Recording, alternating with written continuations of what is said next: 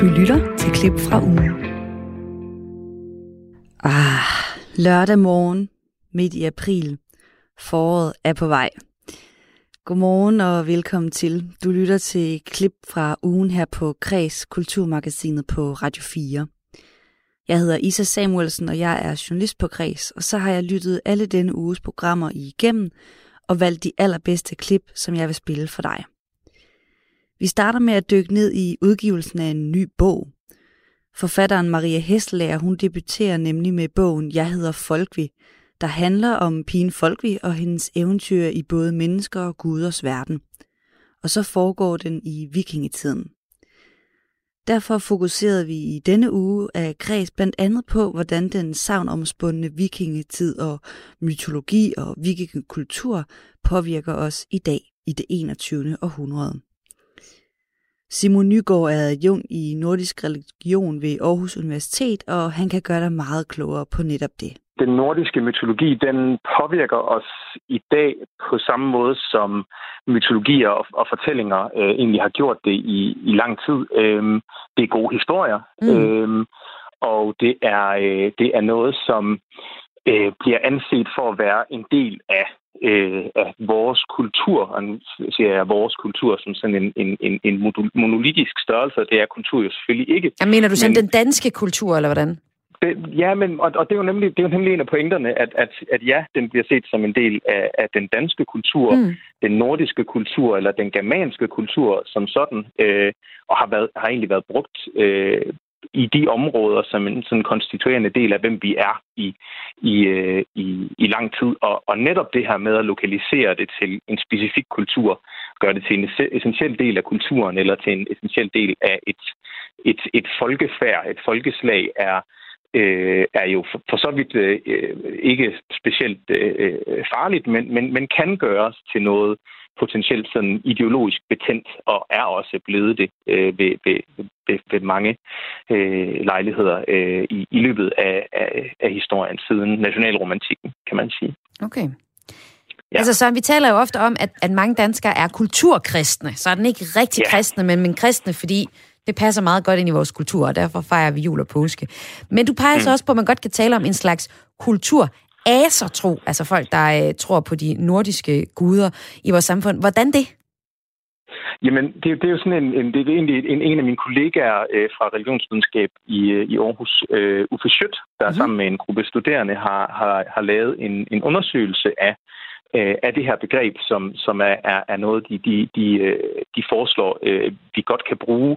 Altså øh, netop, at, at øh, kendskabet til øh, de nordiske guder er en del af vores kultur, øh, og, og, og folk forholder sig til det på samme måde, som de gør til kristendommen. Altså at det er ikke noget, man, man nødvendigvis øh, tror på, ligesom at man holder jul, og uden, uden nødvendigvis at tro på, at, øh, at Jesus Kristus er den genopstandende søn af, af Gud vor Herre, så kan man også godt øh, forholde sig til, øh, til den nordiske mytologi som en del af ens øh, verdensbillede øh, og som en del af ens kultur, øh, uden nødvendigvis at øh, praktisere øh, asatro som sådan en, en, en øh, moderne religiøs... Øh, Hvordan gør det konkret, form. altså? Sådan, altså, vi synger, vi synger selvfølgelig i vores, øh, nu hørte vi lige lidt af vores nationale sang tidligere, der synger vi selvfølgelig med Frejas sal, så der er, der er mm-hmm. den nordiske gud Freja med. Men, men ellers, hvordan ser du så, at de nordiske guder sådan er en del af vores hverdag? Altså, vi holder jo ikke rigtig solværvsfest. Nej, men, men jeg tror, at der, der er alligevel en del, som, som øh, øh, en, en del af, øh, af kulturen, som, som kan øh, som, som også måske begyndende øh, er, er, er, øh, er orienteret mod det. Altså, der er jo flere, som, som, øh, som øh, hvad hedder det, netop sådan noget som, som, øh, som solværv og, og sådan nogle ting. Øh, at at det, øh, det bliver noget, som folk måske ikke nødvendigvis fejrer, men som, som, som de øh, anerkender som, som, en, som en del af, af, af, af det øh, og, og, og øh, være øh, i, i, en, i en dansk kultur. Det er selvfølgelig måske et, et fortal, men, men, men på, på, på samme, samme linje med, med, med, med fejringen af julen for eksempel, øh, om, om sådan noget som forståelsen af, hvad, hvad, hvem er Thor, og hvad, hvad, hvad, hvad gør han? Øh, øh, altså sådan noget som at, at, at, at tænke på, at når, når det er torden, der er hov, så var det tor, der, der, der er kørt over øh, mm, okay, på den øh, himlen i, i sin, i sin, øh, i sin bukkevogn. Øh, så, så, så, så sådan nogle, nogle, nogle nogle myter, der, der jo selvfølgelig øh, for et, et rationelt menneske ikke er forklaring på, hvorfor tingene de er, som de er, men som danner sådan en, en fortælleramme. For, og nogle for, meget fede, altså det er meget fed historie at fortælle. Altså, det er jo meget, det er meget ja, fedt at bruge den. Også når man kigger op ja. på stjernehimlen og Odins bælte og sådan Så det er jo fuldstændig rigtigt, at for mig, så har, som øh, ikke er kristen, så øh, er, har kristendommens historie fyldt lige så meget i min øh, opvækst, og øh, noget, jeg refererer til som øh, egentlig som nordisk mytologi. Måske uden jeg helt har, har tænkt, at jeg sådan er kultur øh, asa-troende. For det tror jeg heller ikke, jeg er. Men jeg forstår godt pointen om, at den sniger sig ind i vores øh, hverdag. Og i dag, der ser jeg jo så i her i kreds nærmere på bogen. Jeg hedder Folkvi, en øh, debut af Maria Hesselager, som øh, foregår i vikingetiden. Og øh, det ser vi jo igen og igen i, i populærkulturen, at det sniger sig ind, den her øh, vores historie om vikingetiden og også nordisk mytologi. Og jeg kan godt tænke mig at dykke ned i nogle eksempler fra den her bog. Øh, Simon, ja. det første, det handler om det her søskende par i bogen. Folkvi mm. og Aslakar. De har et seksuelt forhold til hinanden. Og øh, ja. forfatteren Maria Hessler, hun bygger det øh, på, hun bygger det på fortællingen om, om guderne Frej og Freja. De havde også et seksuelt forhold med hinanden. Hvad var det for nogle guder, der er?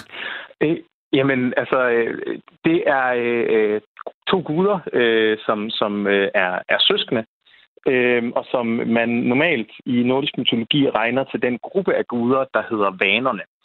Øh, den nordiske mytologi øh, traditionelt set kan dele guderne ind i to grupper, øh, henholdsvis aserne og vanerne.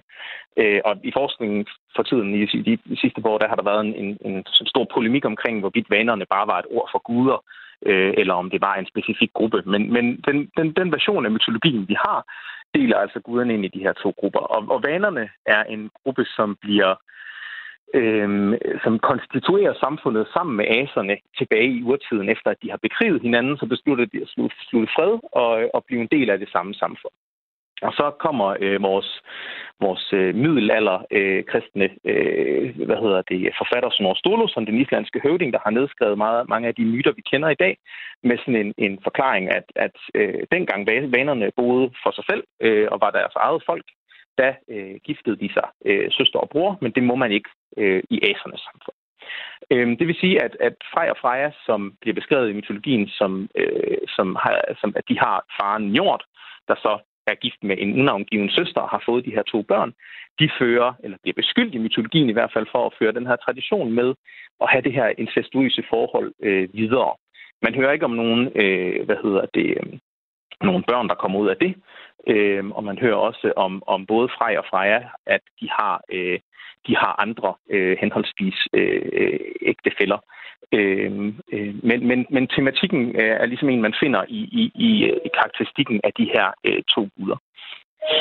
Ah, okay. Og det er jo faktisk øh, historien her med Freja og Freja, det, den kan man se mange paralleller til i den her roman, jeg hedder Folkvi, som vi taler om mm. i dag. Et andet eksempel fra bogen, det er, at Folkvi, som er vores hovedperson i bogen, hun en dag får besøg af en mand, som vil fortælle hende om en ny gud, der hedder Hvide Krist. Og hun synes, han lyder meget svag og kedelig i forhold til de kugler, som hun normalt tilbyder. Der er lidt mere svung ja. i. Og øh, Hvide Krist, han er simpelthen Jesus Kristus, der kommer øh, gående der, eller der er, bliver, mm. præs- hun bliver præsenteret for der. Øh, er det egentlig en realistisk skildring af, hvordan kristendommen kom til Danmark? Altså, at Kristus blev opfattet til at starte med som en, en slags ny Gud på lige fod med de gamle, men måske sådan mm, lidt mere jordnær end de andre, der kunne nogle, nogle fede ting? Øh, for, for, det, for det første, den første del, øh, ja, helt sikkert. Altså mm. mission, kristen mission øh, i Norden har fundet sted øh, i hvert fald fra, fra 700-tallet øh, op frem efter, hvilket vil sige, at kristen missionsvirksomhed i Norden øh, egentlig er en, en, en, en, en del, der hører til i alt det, vi kalder vikingetiden, der normalt defineres fra sådan noget omkring slutningen af 700-tallet øh, og, frem, og frem efter. Så, så øh, og det er jo sådan en af de ting, som, som, øh, som man også skal have med, ikke? Altså, at, at vikingetidens kultur og religion har ikke været upåvirket af kristendommen som sådan. Mm. Øh, det kunne vi også snakke lang tid om. Øh, men, men ja, øh, helt sikkert, at, at, at der, der kan sagtens været folk, der måske ikke er gået, fra dør til dør øh, og, og, øh, har, har præsenteret øh, på sådan Jehovas vidneragtig måde. Har du tid til at høre lidt om, øh, hvor her er Jesus Kristus? Øhm, men, men i hvert fald på de store vikingehøvdinges og, og kongers gårde har der været missionsvirksomhed. Øhm, og øh, Kristus har været, øh, så vidt vi kan forstå, øh, opfattet som endnu en Gud blandt mange. Øhm, det her med, om han skulle være opfattet som en øh, specielt svag og uinteressant Gud, er der lidt mere tvivl om, fordi øh, øh, man kunne jo se, at øh, hvis man i hvert fald var konge eller en magtfuld høvding, kunne man se, at i løbet af vikingetiden øh, og, og for Danmarks vedkommende slutningen af 900-tallet, øh, hvor vi har øh, Harald Blåtand som konge i Danmark, der kunne man se, at der er øh, mildt sagt ret stort pres på Danmark sydfra øh, med, med øh, kejser Otto, der kommer og øh, er øh, kristen og egentlig godt kunne tænke sig, at, øh, at øh, det blev danskerne også. Og øh, så har vi jo en, måske en pragmatisk konge, der tænker, at det kunne da være, at det var en god idé. Øhm, og så bliver Danmark kristen øh, på det her tidspunkt. Men det billede af Kristus, der vinder indpas hos, den, den, øh, hos eliten på det her tidspunkt, er ikke et billede af sådan en, en slatten fyr, der hænger øh, med nedslåede øjne øh, på et kors. Det er et billede, som man normalt kalder den fejrende Kristus, øh, som man kender for eksempel fra Jellingestenen og fra fra Åby Crucifixet, øh, to øh, hvad hedder det, ret kendte øh, repræsentationer af Kristus fra, fra sådan det, det nordeuropæiske område. Mm. Øhm, og det er altså, det er altså øh, Kristusfigurer, der, øh, der møder blikket på øh, den, der kigger på dem, og som har armene øh, sejr, sejrigt sådan strakt ud øh, til hver side, og, og er billedet på den, øh, øh, den øh, succesfulde krigsleder og krigskonge, øh, som ligesom var noget, man, man, man satte stor, øh, øh, hvad hedder det, øh, man, man havde sat stor pris på i, i vikingetiden også. Så man, man mener, at der har været sådan en, kan man kalde det, specifik form for nordisk kristendom, der har eksisteret i den her overgangsperiode, som har gjort, at øh, man har tænkt på, øh, øh, på, på hvide krist, eller på Kristus som en Gud, der øh, var fuldt ud på linje øh, lige så stærkt med de guder, som, øh, som ens forfædre har dyrket, og som man måske selv øh, dyrkede. Og måske endda med tiden, med den fortælling, der så skabes omkring det, øh, kan have været set som endnu stærkere ved det, at han faktisk har, øh, har overtaget øh, og har, er blevet hovedguden for alle de folk, der bor syd for den her flod, og alle de folk, der bor længere nede, og alle de folk, der bor ude i verden, øh, i, i, i en stor del af den verden, vikingerne havde kontakt med, altså øh, Europa på kontinentet, der var det, der var det øh, Kristus, der var, der var deres Gud. Lyder det fra Simon Nygaard, adjunkt i nordisk religion ved Aarhus Universitet. Astrid Lindgren var ikke kun forfatter, hun var faktisk også aktivist og børneretsforkæmper. Pippi, Ronja Røverdatter og Brødrene Løvehjerte er alle historier med stærke og aktivistiske børn med tonsvis af gode citater, som for eksempel Pippis, det har jeg aldrig gjort før, så det klarer jeg helt sikkert, eller den forbrødrende løvehjerte, nogle gange må man gøre ting, også selvom det er farligt. Ellers er man ikke et menneske, men bare en lille lort. Og det sidste citat, det har altså inspireret den nye udstilling, hashtag ingen lille lort, en udstilling om aktivisten Astrid Lindgren, der kan ses på Museet Køn, Gender Museum Danmark i Aarhus fra den 21. april. Og Astrid Lindgren var altså optaget af børns rettigheder, men hun sendte også sin første fødte søn i pleje i fire år. Sarah Bradley, hun er museuminspektør og kurator ved Køn, Gender Museum Danmark, og mener, at det faktum faktisk kan have givet Lindgren en åben bevidsthed for børnenes indre liv. Maja Hall spurgte hende, hvordan det hænger sammen. Ja, øh, de første tre år af hendes øh, førstefødte søns øh, liv, ja, der var han faktisk i pleje, og det var han i København. Øh, og han var det af den grund, at øh, Astrid Lindgren, hun blev jo meget tidligt gravid uden for ægteskab, som 17-årig faktisk. Øh, det var jo et stort øh, tabu på det her tidspunkt i 20'ernes, øh, 1920'ernes Sverige. Øhm, og øh, skulle man føde i Sverige, så skulle man faktisk alle steder i landet opgive farens navn. Det skulle man ikke i Danmark på det tidspunkt, og det var altså derfor, at hun endte med at føde i København, og det var også der, hun satte sin søn i pleje øh, de første tre år. Øh, der pendte hun simpelthen mellem Stockholm og København, øh, hvor hun besøgte sin søn så tit hun overhovedet kunne. Øh, men hun var altså også nødt til at tage tilbage til Stockholm, hvor hun boede og arbejdede øh, og var ved at uddanne sig til sekretær. Og så hvordan har øh, det, den her, øh, at hun satte sin søn i pleje, hvordan har det fået betydning for, at Astrid Lindgren også blev aktivist? Ja, ja men øh, altså man kan sige, det har jo helt sikkert været en stor sorg for Astrid Lindgren, øh, og en stor fortrydelse for hende igennem hele hendes liv, at hun altså gav slip øh, på sin søn på sådan et tidligt og, og vigtigt tidspunkt. Øh, de blev jo genforenet senere hen, og han øh, havde jo resten af sin barndom sammen med Astrid Lindgren. Øh, men da hun hentede ham tilbage til Stockholm, så måtte hun altså se sin søn gennemleve den her sorg, det jo var at øh, miste sin plejemor i København. Og det øh, åbnede altså nok hendes bevidsthed for det her med, øh, at barnet også har et indre liv. Mm. Øh, barnet er faktisk et helt lille følende og tænkende menneske allerede på sådan et tidligt tidspunkt. Øh, og det er måske nok, øh, det kan måske nok omstille sig, men det er ikke nødvendigvis omkostningsfrit. Og den her indsigt, den kunne hun altså skrive på, og hun kunne skrive øh, på den til børn. Altså hun fik, hun skrev jo eminent, øh, særligt til børn, også til voksne, voksne øh, og det var jo nok fordi hun havde, altså hun, hun kunne observere børn, og hun kunne observere verden igennem øh, børns blik. Så hun får altså en øh, aktivistisk side her øh, fra ja, fra at hun sætter sin førstefødte i, i pleje. Og den aktivistiske side af Astrid Lindgren, den kendte jeg ikke særlig godt til, men den kan man øh, lære mere om på jeres udstilling på Museet Køn. Der arbejder I med fire temaer, som øh, knytter sig til, til Astrid Lindgren, og det er miljø, fred, demokrati, køn og så også barnets øh, rettigheder. Og I har under børns rettigheder valgt at udstille en sten. Hvorfor har I det? Ja, øhm, altså, øhm, man kan sige bare sådan helt kort, altså Astrid Lindgren, hun, hun får jo sin sådan gennembrud og debut som forfatter i 1945, hvor hun udgiver Pippi Langstrømpe.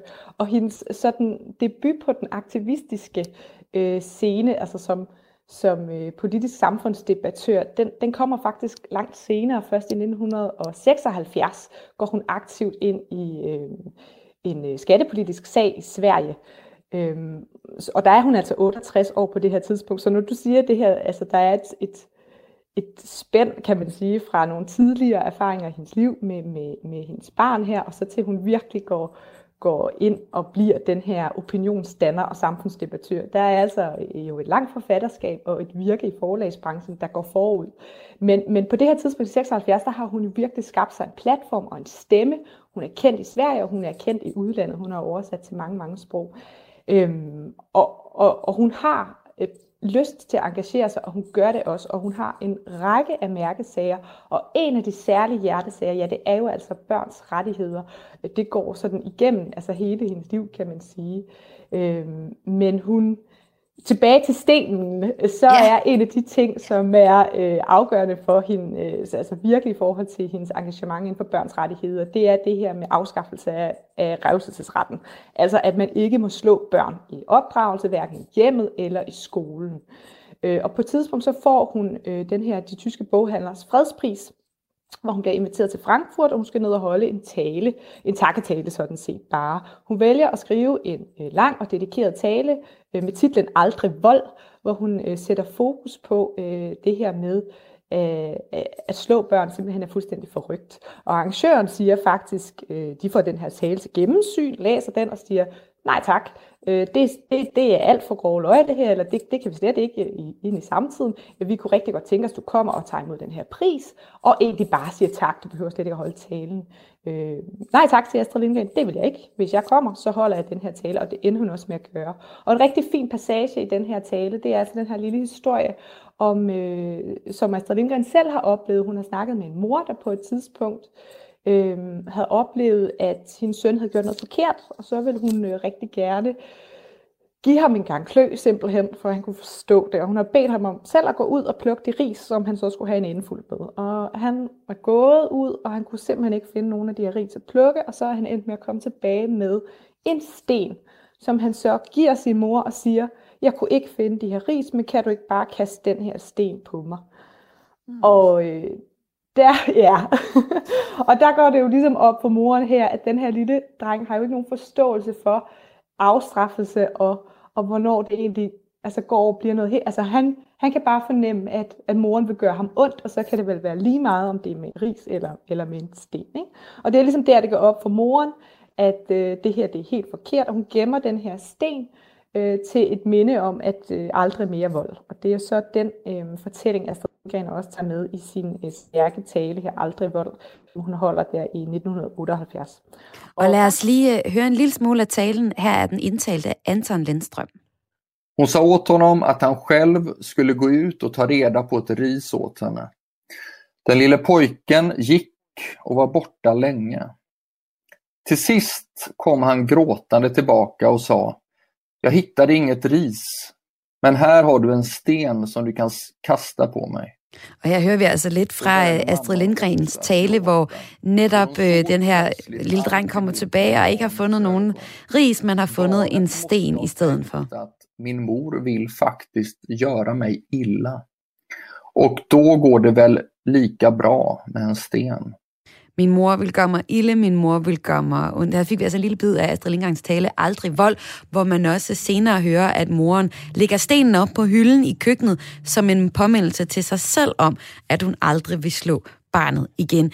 En rigtig stærk, øh, et rigtig stærk historie, som Astrid Lindgren brugte aktivistisk, da hun skulle holde en tale. Og øh, den kan man øh, så læse om i, øh, på jeres udstilling, Sarah Bradley. I har en udstilling lige nu om den aktivistiske side af Astrid Lindgren på museet Køn.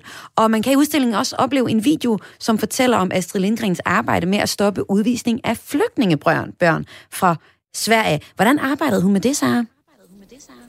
Jamen altså, Astrid Lindgren hun var jo bredt engageret i forhold til øh, børn og børns rettigheder. Øhm, det her med øh, afskaffelse af revselsesretten, det var jo en ting øh, i forlængelse af den historie, vi lige hørte før, øhm, om stenen og aldrig voldtalen. Øhm, revselsesretten den blev faktisk afskaffet i Sverige året efter, i 1979. Øh, så den, det, blev altså, det blev altså helt klart et vigtigt indspark i at tage den debat i Sverige. Og til sammenligning kan jeg bare lige sige, at øh, revselsesretten blev først afskaffet i Danmark i 1997. Mm. Så det er faktisk 18 år efter. Øh, men udover... Det er jo helt vildt altså. Ja, det er det. Ja, det er det faktisk. Øhm, Udover det, så var Astrid Lindgren, jamen for det første så var hun øh, ambassadør for den børnerettighedsorganisation, der hedder BRIS, øh, Børns Rettigheder i Samfundet.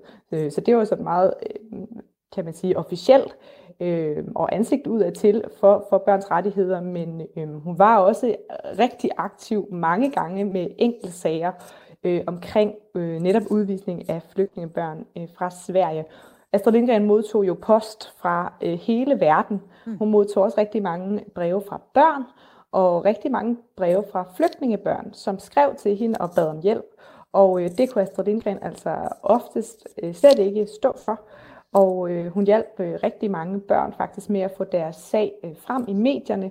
Øh, blandt andet var der den her øh, pige, Roger Senkarif, som skulle udsendes til Kosovo, som skrev til hende. Øh, og der lavede Astrid Lindgren også en lille og lidt typisk Astrid Lindgren finte, hvor hun inviterer hende her Roger øh, hjem til sig, og øh, samtidig så har hun tilfældigvis lige øh, også inviteret et tv-hold. De ved ikke, at øh, de tror bare, de skal hjem og, og interviewe Astrid Lindgren. Øh, og så møder de det, denne her øh, pige, som skal udvises, og på den måde øh, får Astrid Lindgren jo så, øh, kan man sige, øh, sat fokus øh, på den her piges sag. Og det ender faktisk også med, at hun øh, får lov til at blive i Sverige. Der er også mange andre eksempler på, hvor hun er gået aktiv ind i enkelte børns sager, men øh, hvor hun altså ikke er lykkedes med at hjælpe. Men øh, det var sådan et et, øh, det var noget, hun gjorde øh, af flere omgange faktisk. Og hun har jo så også vidst præcis, hvordan hun skulle bruge øh, medierne til at, øh, at få, hendes, få sin sag ud, altså med det her konkrete eksempel, hvor det faktisk lykkedes hende. Øhm, hvis nu Astrid Lindgren levede i dag, Sara, hvad tror du så, hun ville kæmpe for, for på, på børns vegne? Jamen, jeg tror, at hun vil øh, gå rigtig meget ind i det her med digital mobning. Ja. Og øh, ensomhed blandt børn i en tidsalder med sociale medier. Altså hvordan sociale medier også har været med til at stimulere den der øgede ensomhed blandt børn. Øh, ensomhed er generelt et, et faktisk udbredt tema i Astrid Lindgrens forfatterskab. Øh, der er den her scene fra Pippi Langstrømpe, hvis man ellers skal huske den. Altså Pippi, hun er jo for det meste finurlig og glad og finder på alle mulige ting. Men der er også den her fine scene, hvor Tommy og Annika på vej hjem eller over for deres eget hjem betragter Pippi øh, ind gennem vinduet øh, til Villa Villa Kula, hvor hun sidder øh, og stiger med sådan helt tomt blik øh, frem for sig på et enkelt sterinlys, øh, som er tændt. Og der skildrer Astrid Lindgren jo også en anden side af Pippi, som er den sårbare og det ensomme barn. For Pippi, hun er jo faktisk øh, et barn uden øh, forældre. Øh, så den der ensomhed, øh, den er, den er tematisk gennemgående, og den tror jeg helt sikkert, at Astrid Lindgren hun vil øh, øh bide skære med i en digital tidsalder, som vi er i i dag. Sagde Sara Bradley, museuminspektør og kurator ved Køn, Gender Museum Danmark, som du måske tidligere har kendt under dets forrige navn Kvindemuseet. Hver onsdag, der forsøger vi her på Kreds at komme med ugens alternative banger. Eller, det får vi hjælp til af Søren Korsgaard, der har bloggen Musik Mablit. Og megastjernen Justin Biebers sang Peaches, den hitter på listerne lige nu. Så derfor forsøger vi i denne uge at finde en alternativ banger til den sang. Spørgsmålet er, hvilken alternativ banger fra undergrunden Søren han kan præsentere, der kan slå benene væk under den kære Bieber. I dag der har jeg et, et, et nummer fra en, der hedder Kyle Preston. Mm. Øh, men det er, det må, man må sige, det er en helt anden boldgade end Justin Bieber. Øh, vi er over i en helt anden øh, genre, som, øh, som er den nyklassiske genre. Øh, hvor vi har at gøre med øh, klassiske instrumenter, altså en orkestermusik i virkeligheden symfoni.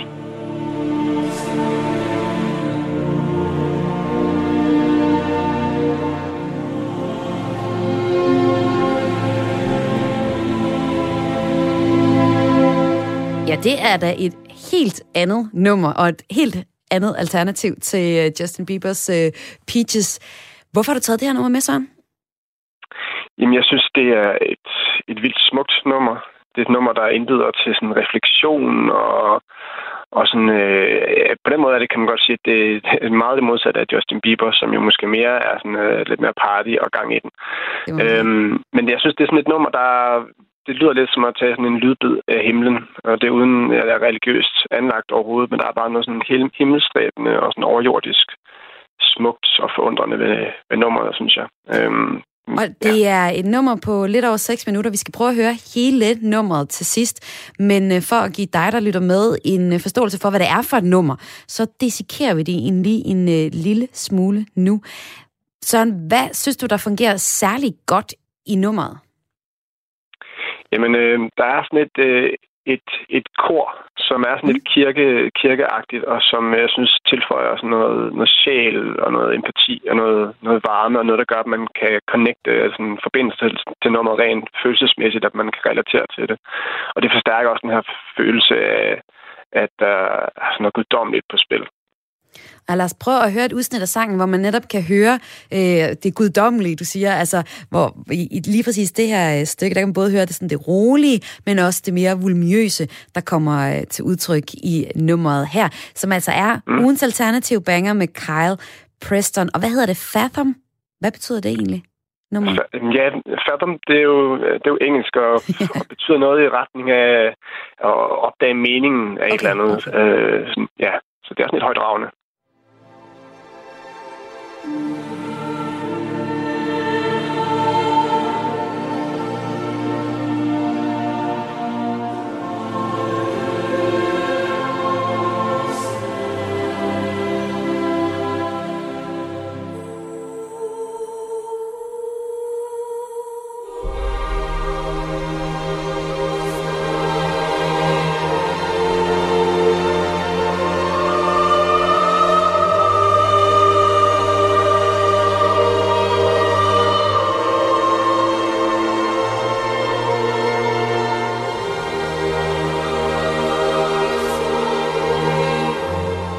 Og Søren, her fornemmer man klart, hvad det er for et nummer, vi har med at gøre. Altså, det er både det, mm. det enkle øh, i nummeret, og så også den der kæmpe volumen, som øh, koret, ja. man kan høre øh, synge her. Det er jo egentlig det, det er den vokal, der er på nummeret. Hvad mener du, at, at koret gør for, for nummeret her? Jamen, øh, altså koret, det, det skaber sådan, øh, sådan en ekstra dimension, synes jeg. Hvis det kunne uh. være instrumentalt, Sorry. det er orden. Hvis det kun var instrumentalt, så, så, ville, øh, så ville det jo stadig være smukt, men det, mm. det, det gør, at, øh, at man måske øh, øh, fornemmer, at der er noget, noget menneskeligt på spil også. Øh, noget, et eller andet empatisk. Altså faktisk har, har han, øh, ham har Carl Preston, han har sagt, at, han, at det hans, hans mål med, med, med at lave sin musik, det er at skabe en følelse af empati og noget, noget der er vidunderligt. Og det synes jeg, han lykkes meget godt med. Hvornår sætter du sådan et nummer som det her på? Øh, det, det gør jeg, når jeg, når jeg for eksempel kører i en, i en bus og kigger ud i vinduet på noget smuk natur, og på en måde skal reflektere over, over tilværelsen. Eller bare skal flyde væk og drømme. Drømme, øh, drømme mig væk på en eller anden måde. Og ham her, Kyle Preston, som er øh, sangeren på øh, ugens banger i dag, han er amerikaner, men hvem er han øh, ellers sådan? Jamen, han, øh, han øh, laver neoklassisk musik, og neoklassisk, det betyder egentlig bare ny, nyklassisk. Det vil sige, at han, han, øh, han laver selv sin øh, altså ny, ny komposition af noget, hvor han bruger klassiske øh, musikinstrumenter. Og det er inden for den minimalistiske del af det, øh, hvor instrumenteringen er sådan rimelig simpel og minimal, øh, men det er meget øh, følelsesfuldt og sådan stemningsmed, stemningsmættet, kan man sige. Øh, og jeg synes, at det han mestrer i høj grad, det er den her sådan elegante lethed og vægtløshed, som hans musik har. Og her der får du altså ugens alternative banger af Kyle Preston, præsenteret af Søren Korsgaard, musiknørden bag Musikmablit.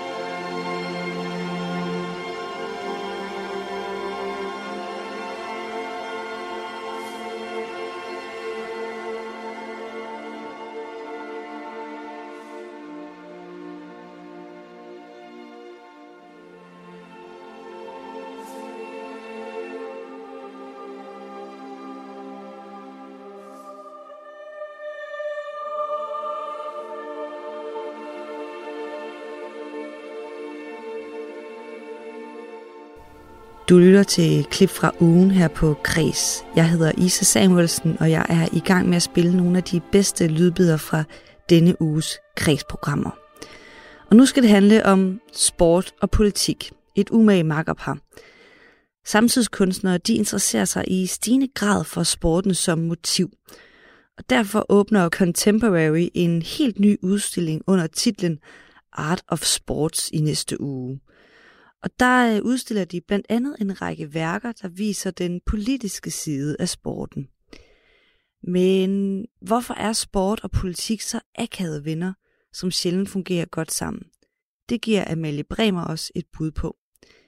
Amalie Bremer hun er sammen med Tue Bledel vært på Radio 4-programmet Radio 4-programmet Bremer og Bledel mod Rov, hvor der sættes fokus på de mere problematiske sider i sportens verden. Jeg tror, at det er fordi, at sporten i sin rene og meget sådan ønskværdige form jo skal være en eller anden form for apolitisk kampplads, hvor at alle kan mødes på tværs af, af andre konflikter. Og altså, at øh, til et OL, jamen, så er det bare i orden, hvis der er en, øh, en øh, kuglestøder fra Nordkorea, der er rigtig dygtig, så skal de være med, selvom at Nordkorea er på kant med, med resten af verden. Og det er den opfattelse, man gerne vil have af sport. Men, øh, men de senere år, og, og faktisk også tilbage i tiden, så er der jo rigtig mange, som har prøvet at blande sport og politik, og det er jo derfor, at, øh, at det efterhånden er svært at komme udenom. Du har peget på, at begrebet sportwashing er centralt. Hvad betyder det, Amalie?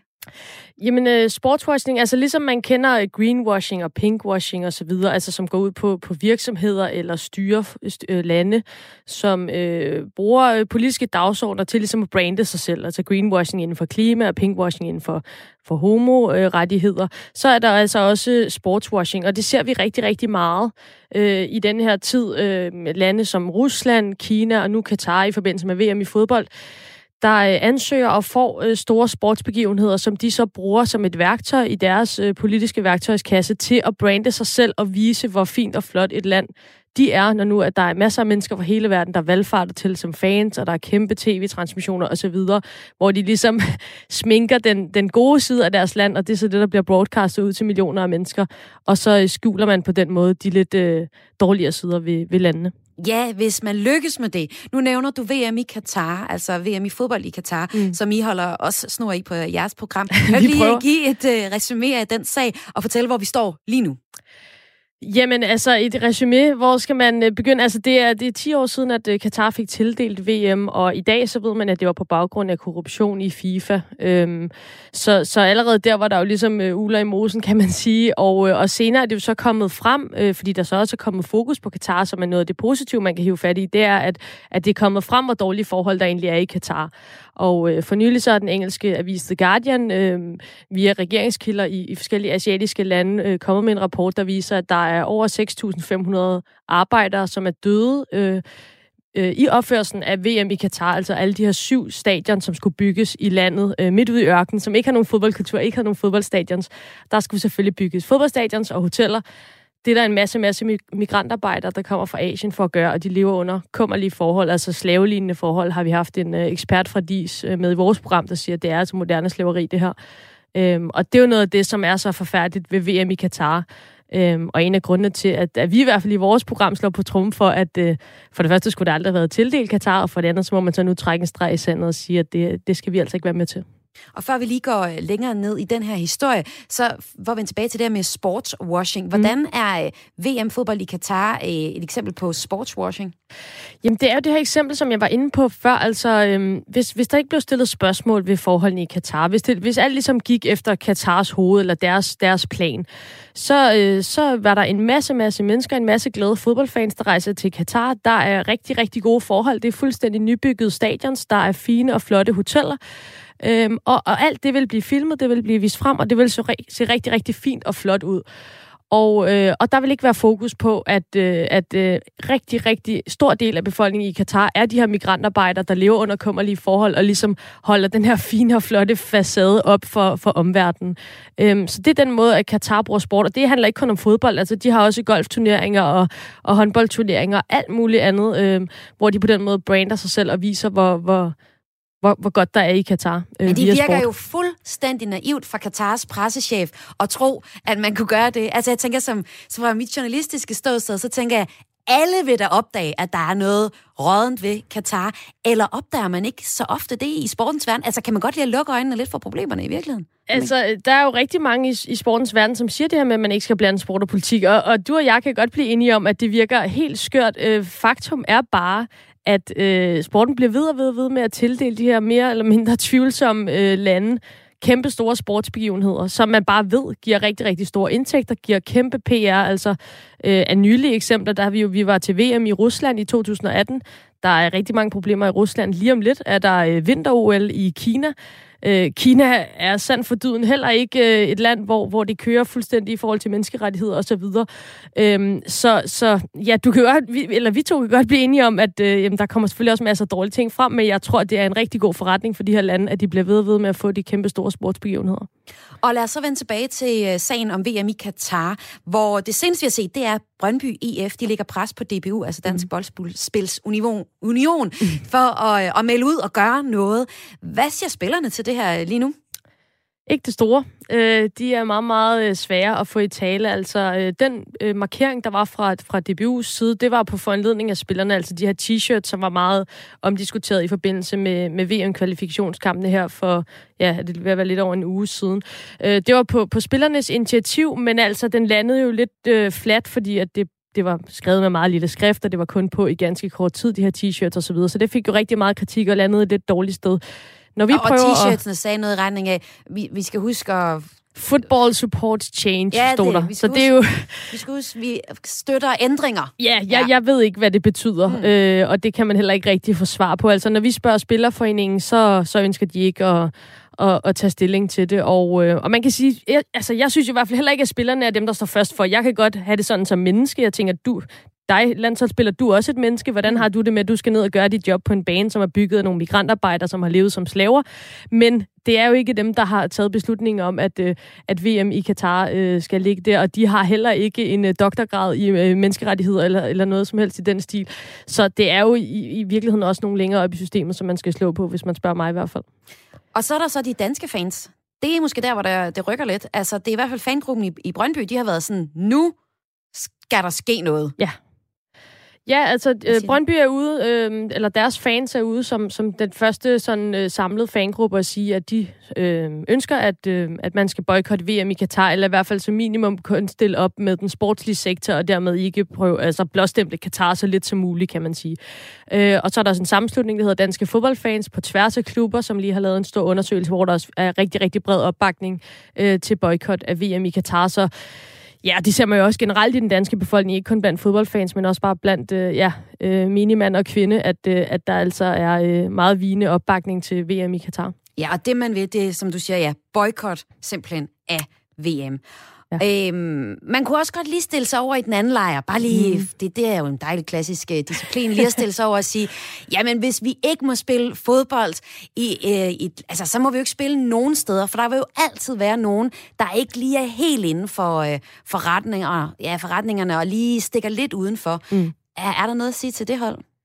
Jamen, altså, det, det synes jeg er helt reelt. Øhm, jeg synes, det, det er jo en lille smule det, det her whataboutism, hvor man hele tiden, så tager man det ud af en tangent, og så siger man, jamen, så kan man jo ikke noget, så kan vi jo kun mm. holde, holde VM i Danmark og Sverige og Norge. Og øhm, jeg er mere tilhænger af, at man forholder sig til det, man står over for lige nu. Øh, lige nu står vi over for ja, et vinter i Kina lige om lidt, øh, som, som, hvor det virkelig står skidt til i Kina med, med folkedrab og så videre, og vi står over for et VM i Katar. Øhm, og, og det synes jeg, man skal forholde sig til. Det, der er med VM i Katar, det er simpelthen et af de allertydeligste eksempler på, at hvor fodbolden og en placering af et fodbold-VM direkte har været inde og være medvirkende til, der skulle lave så mange kæmpe store byggeprojekter, så mange migrantarbejdere, Øhm, har det virkelig, virkelig forfærdeligt dernede. Mange af dem er døde, og derfor så er det jo en øh, fuldstændig oplagt mulighed for at trække en streg i sandet.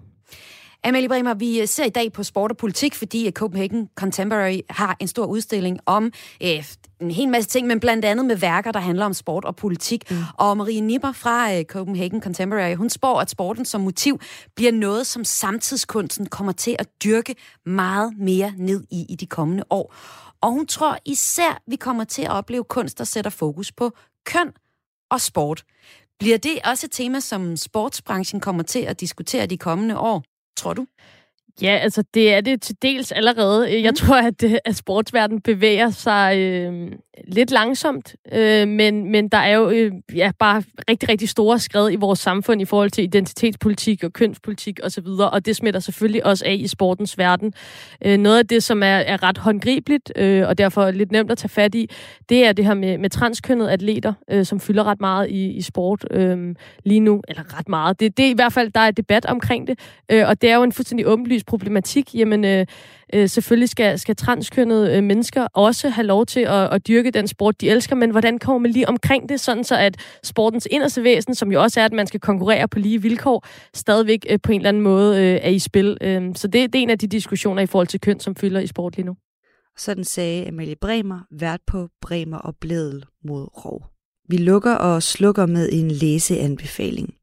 Måske du er en af de danskere, der har læst ekstra meget her under coronanedlukningen. Og så kender du måske det problem, at man mangler noget nyt at kaste sig over. Den udfordring forsøger vi at løse her på Kris. Med hjælp fra vores kollega og bognørd Karoline Kjær Hansen. I denne uge er det Camilla, der får en skræddersyet boganbefaling. Camilla hun leder efter noget, hun kan læse i i sin kolonihave. Hej Karoline. Jeg er nået til den tid på året, hvor jeg igen er ved at pakke flyttekasserne for at flytte ned i kolonihaven. Det er altid en skøn tid, fordi man virkelig mærker, at sommeren er på vej, og det er altid fyldt med glæde og håb for sommeren. Men samtidig så er det altid lidt stressende at skulle pakke hele sit liv ned hvert halve år og pakke det hele ud igen. Jeg har snart pakket det hele og flytter hele Molevitten i morgen onsdag. Det var tirsdag, jeg fik den her besked. Og derfor glæder jeg mig lige præcis i denne uge helt vildt til at lægge mig i en lænestol i haven og læse en bog i solen. Og det her, du kommer ind i billedet. Jeg læser typisk alle de store bestsellere. For nylig har jeg for eksempel læst Tour de Chambre af Tine Hø, Arabica af Puk Damsgaard, Mit Arbejde af Olga Ravn, Meter i sekundet af Stine Pilgaard og En dag vi vil grine af det af Thomas Korsgaard. Desuden slår jeg også krimier og har senest læst de første to af Katrine Engberg og Satans Sommer af Janni Pedersen og Kim Faber. Så en god blandet landhandel. KH Camilla. Jeps. Hvad hæfter du dig ved i øh, Camillas besked her? Først og fremmest kolonihave. Mm. Hun er ikke den eneste, der øh, rykker ud i kolonihaven nu her. Øhm, og så også det her med, at hun øh, bruger formuleringen sluger krimier. Altså hun nævner en masse forskellige bøger, men lige præcis krimierne, dem sluger hun. Mm. Og hvad skal hun så læse på baggrund af det? Hun skal læse en bog, der hedder Søde Røde Sommerdrømme af en forfatter, der hedder Christoffer Holst.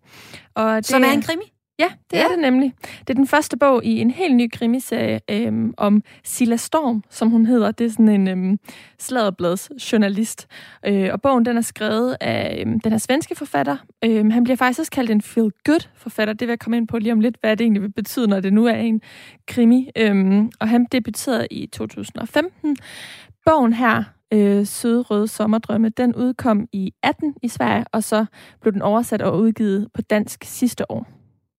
Okay, og hvad, altså, hvad handler den her bog om? En klassisk øh, hovedperson, der skal opklare noget? Ja, ikke helt faktisk, okay. fordi handlingen den udspiller sig på den her smukke skærgårdsø, Bullholmen uden for Stockholm. Og det her, hvor vi møder hende her, sladderbladsjournalisten Silla, som har søgt ly efter, at hun er blevet forladt af sin kæreste. Og hun har nemlig købt et hyggeligt lille kolonihavehus. Ah, så kommer det, yes. Så der var kolonihaven. Mm. Og øh, det, der sker, det er, at hun er knap ankommet, før at øh, der sker et mor på en ung pige, og det viser sig så, at Silla, hun er den sidste, der har set den her unge pige, inden hun døde.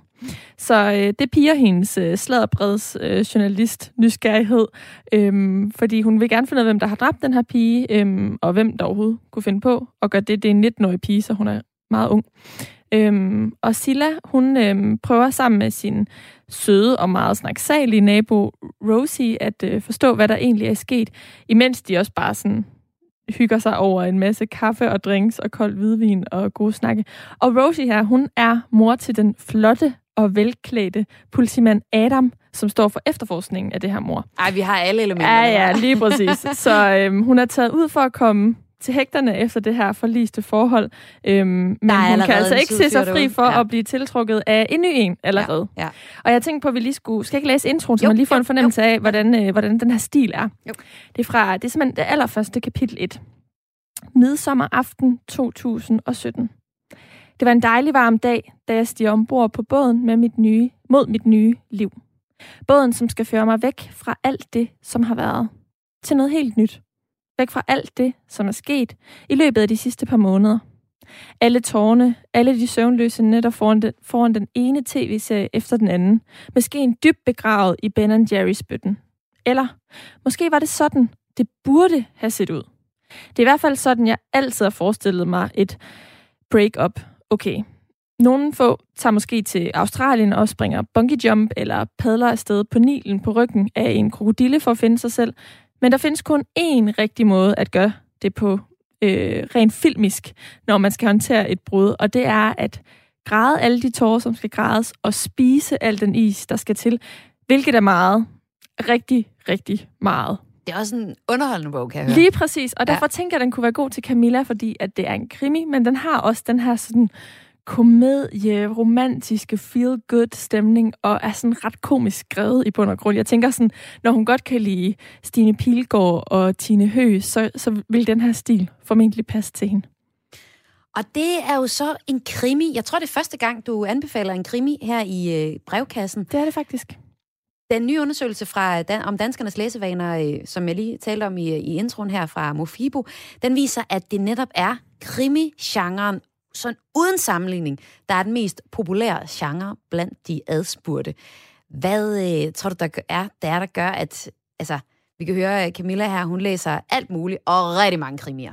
Ja, og hun er jo ikke den eneste, som undersøgelsen den viser. Altså, jeg tror, der er tre årsager til det. Først og fremmest så handler det om den måde, som krimier oftest er bygget op på. Page-turner, øhm, eller hvad? Ja, altså det er faktisk sådan relativt simpelt, men hvis man går helt tilbage til sådan øhm, den gamle fortælletradition, så kan, har vi Aristoteles, den græske filosof, som sagde, at en, øh, en fortælling den skal have en begyndelse, en midte og en slutning. Og øhm, det er der noget, der hedder receptionsæstetik. Nu bliver det en lille smule snørklet, men jeg prøver alligevel at sådan lige inddrage det her, fordi det er faktisk noget af det, jeg synes var helt vildt spændende, da jeg læste øh, litteraturhistorie. Receptionsæstetikken, den beskæftiger sig med, hvad læseren synes. Altså det er ligesom, man prøver at sætte sig ind i læserens hoved og få det blik på litteraturen og undersøge dens egenskaber i forhold til læseren. Og receptionsæstetikken, eller øh, receptionsæstetikerne, altså dem, der sidder på det her forskningsområde, de har fundet ud af, at som mennesker, så har vi sådan et begær efter at komme til slutningen, hvis en historie er bygget op på en bestemt måde. Og det er faktisk bare sådan en helt klassisk begyndelse, slut, midte og slutning.